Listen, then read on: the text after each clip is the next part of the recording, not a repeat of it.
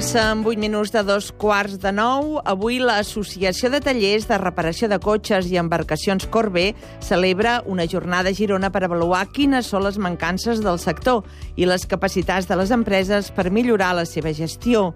Entre els temes que es tractaran hi ha la seguretat i la protecció en els llocs de treball i la lluita contra l'intrusisme. També es parlarà sobre quina és la situació de la postvenda de cotxes i vaixells a les comarques de Girona. Per parlar-ne tenim aquí el president de Corbe, Ernest Plana. Bon dia. Bon dia, molt bon dia. Què és el que els porta a organitzar aquesta jornada? Bueno, el títol ho diu, no? Eh, ja no cal que siguis mecànic, sinó que tens que ser alguna més. El títol més o menys ve a dir això, no? Ve a dir que eh, tenim bons mecànics, tenim bons venedors, tenim bons especialistes, però això avui dia no és suficient, fa falta més coses falta tenir altres coneixements que l'associació la, doncs, posat doncs, com, a, com a objectiu doncs, de fer eh, diverses sessions, diverses píndoles d'aquestes i diverses sessions per tractar aquest tema, no?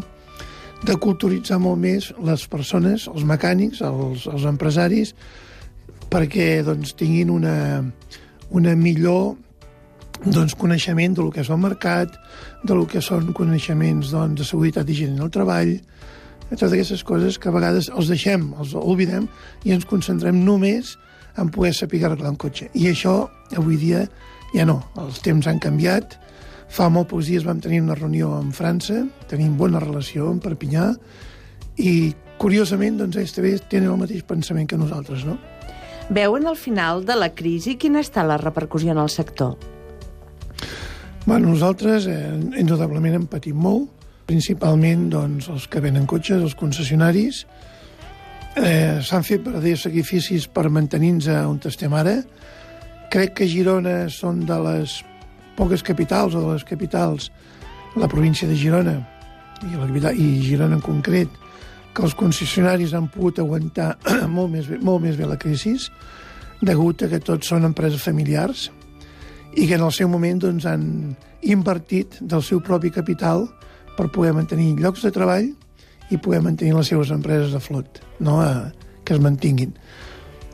Eh, en el seu moment doncs, hi havia hagut mesos que pràcticament no es venia res i ara estem, des de principi d'any, amb un creixement mantingut. Podem dir que doncs, aquest mes, per exemple, tenim un 14% de venda de turismes, respecte al mateix eh, mes de l'any passat, i els creixements són, són d'aquest tipus, no? Doncs 14, 12, 13...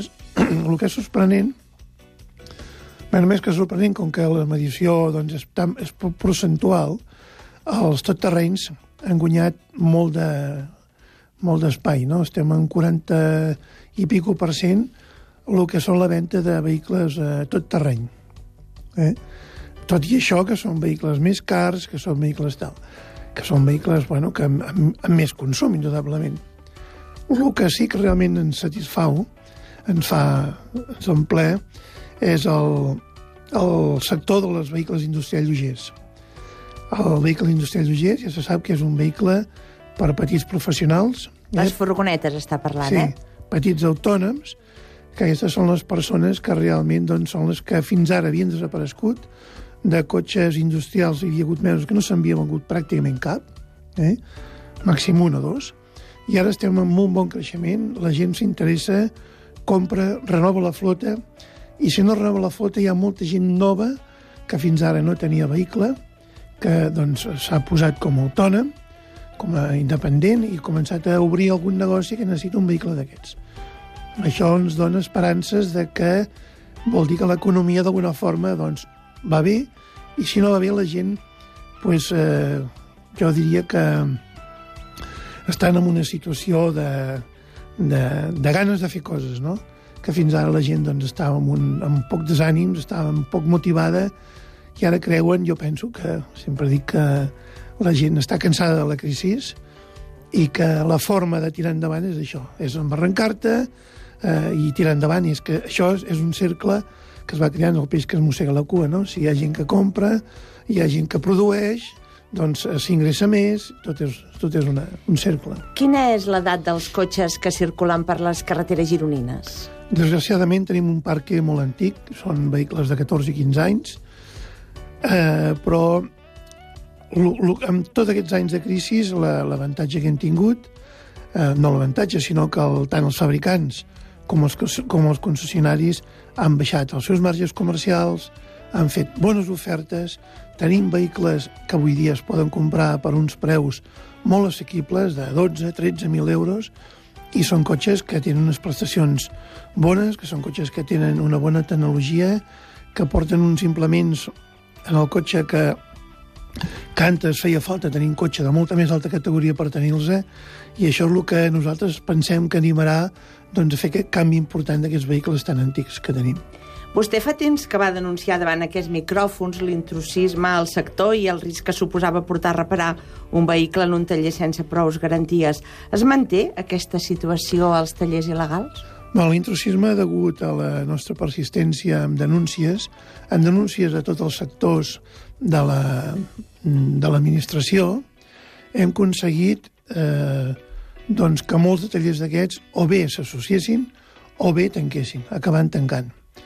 Tenim denúncies fetes tant a l'Ajuntament com a qualsevol departament de l'administració, als Mossos d'Esquadra, que tenen un departament mediambiental, eh, perquè el pitjor de tot això ja no és la competència legal que puguin fer de fer factures doncs, sense IVA, que després eh, no donguin garantia a les reparacions. És on van a parar les deixalles, on van a parar les bateries que canvien, on va a parar l'oli, on va a parar els filtres que ens estan contaminant, no? És això el que és més greu de tot. Per tant, el Departament de la Generalitat del Mossos d'Esquadra té un departament de, de medi ambient i aquests són els que fan la labor més important, no? Perquè per aquest costat podem lograr tancar el taller. Eh, té xifres de quants tallers s'han pogut tancar o quantes denúncies han posat? No, de denúncies en portem, sembla una xifra molt exagerada, però portem unes 40 denúncies aquest any. Eh, realment són moltes, eh? Verdaderament són moltes me consta que quasi bé la, més de la meitat dels, dels denunciats o bé s'han associat, han legalitzat la seva activitat o bé han acabat tancant. Ja per acabar, li volíem preguntar si tenen prou mà d'obra per cobrir les necessitats dels tallers que hi ha ara. Pues és molt bona pregunta, eh? És una bona pregunta perquè ens l'estem qüestionant dia darrere dia, que degut a la crisi molta gent ha plegat, el, el pitjor de tot ha sigut que aquests nois que han estat formant-se en formació professional no han tingut llocs per ocupar i són nois que, per exemple, set anys enrere havien acabat la seva formació professional com a mecànic, no han trobat llocs de treball, no han trobat feina i són gent que ara millor tenen 25 o 26 anys, sense haver practicat mai el que havien realment estudiat. I sí que ara, en aquest moment, quan nosaltres necessitem doncs, un tècnic, un mecànic en formació, ens és difícil trobar. És verdaderament greu eh, arribar a aquesta situació, no? Per això ara estem molt en contacte amb formació professional per fer la, professió, la formació dual.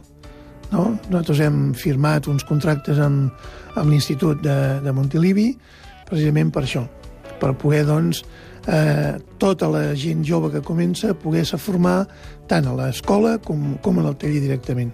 Ernest Plana, president de Corbe, gràcies per venir. Molt bé, a vosaltres. Bon dia. Bon dia. Tota la informació de les comarques de Girona, també al Twitter. Segueix-nos a arroba cati, guió baix, Girona.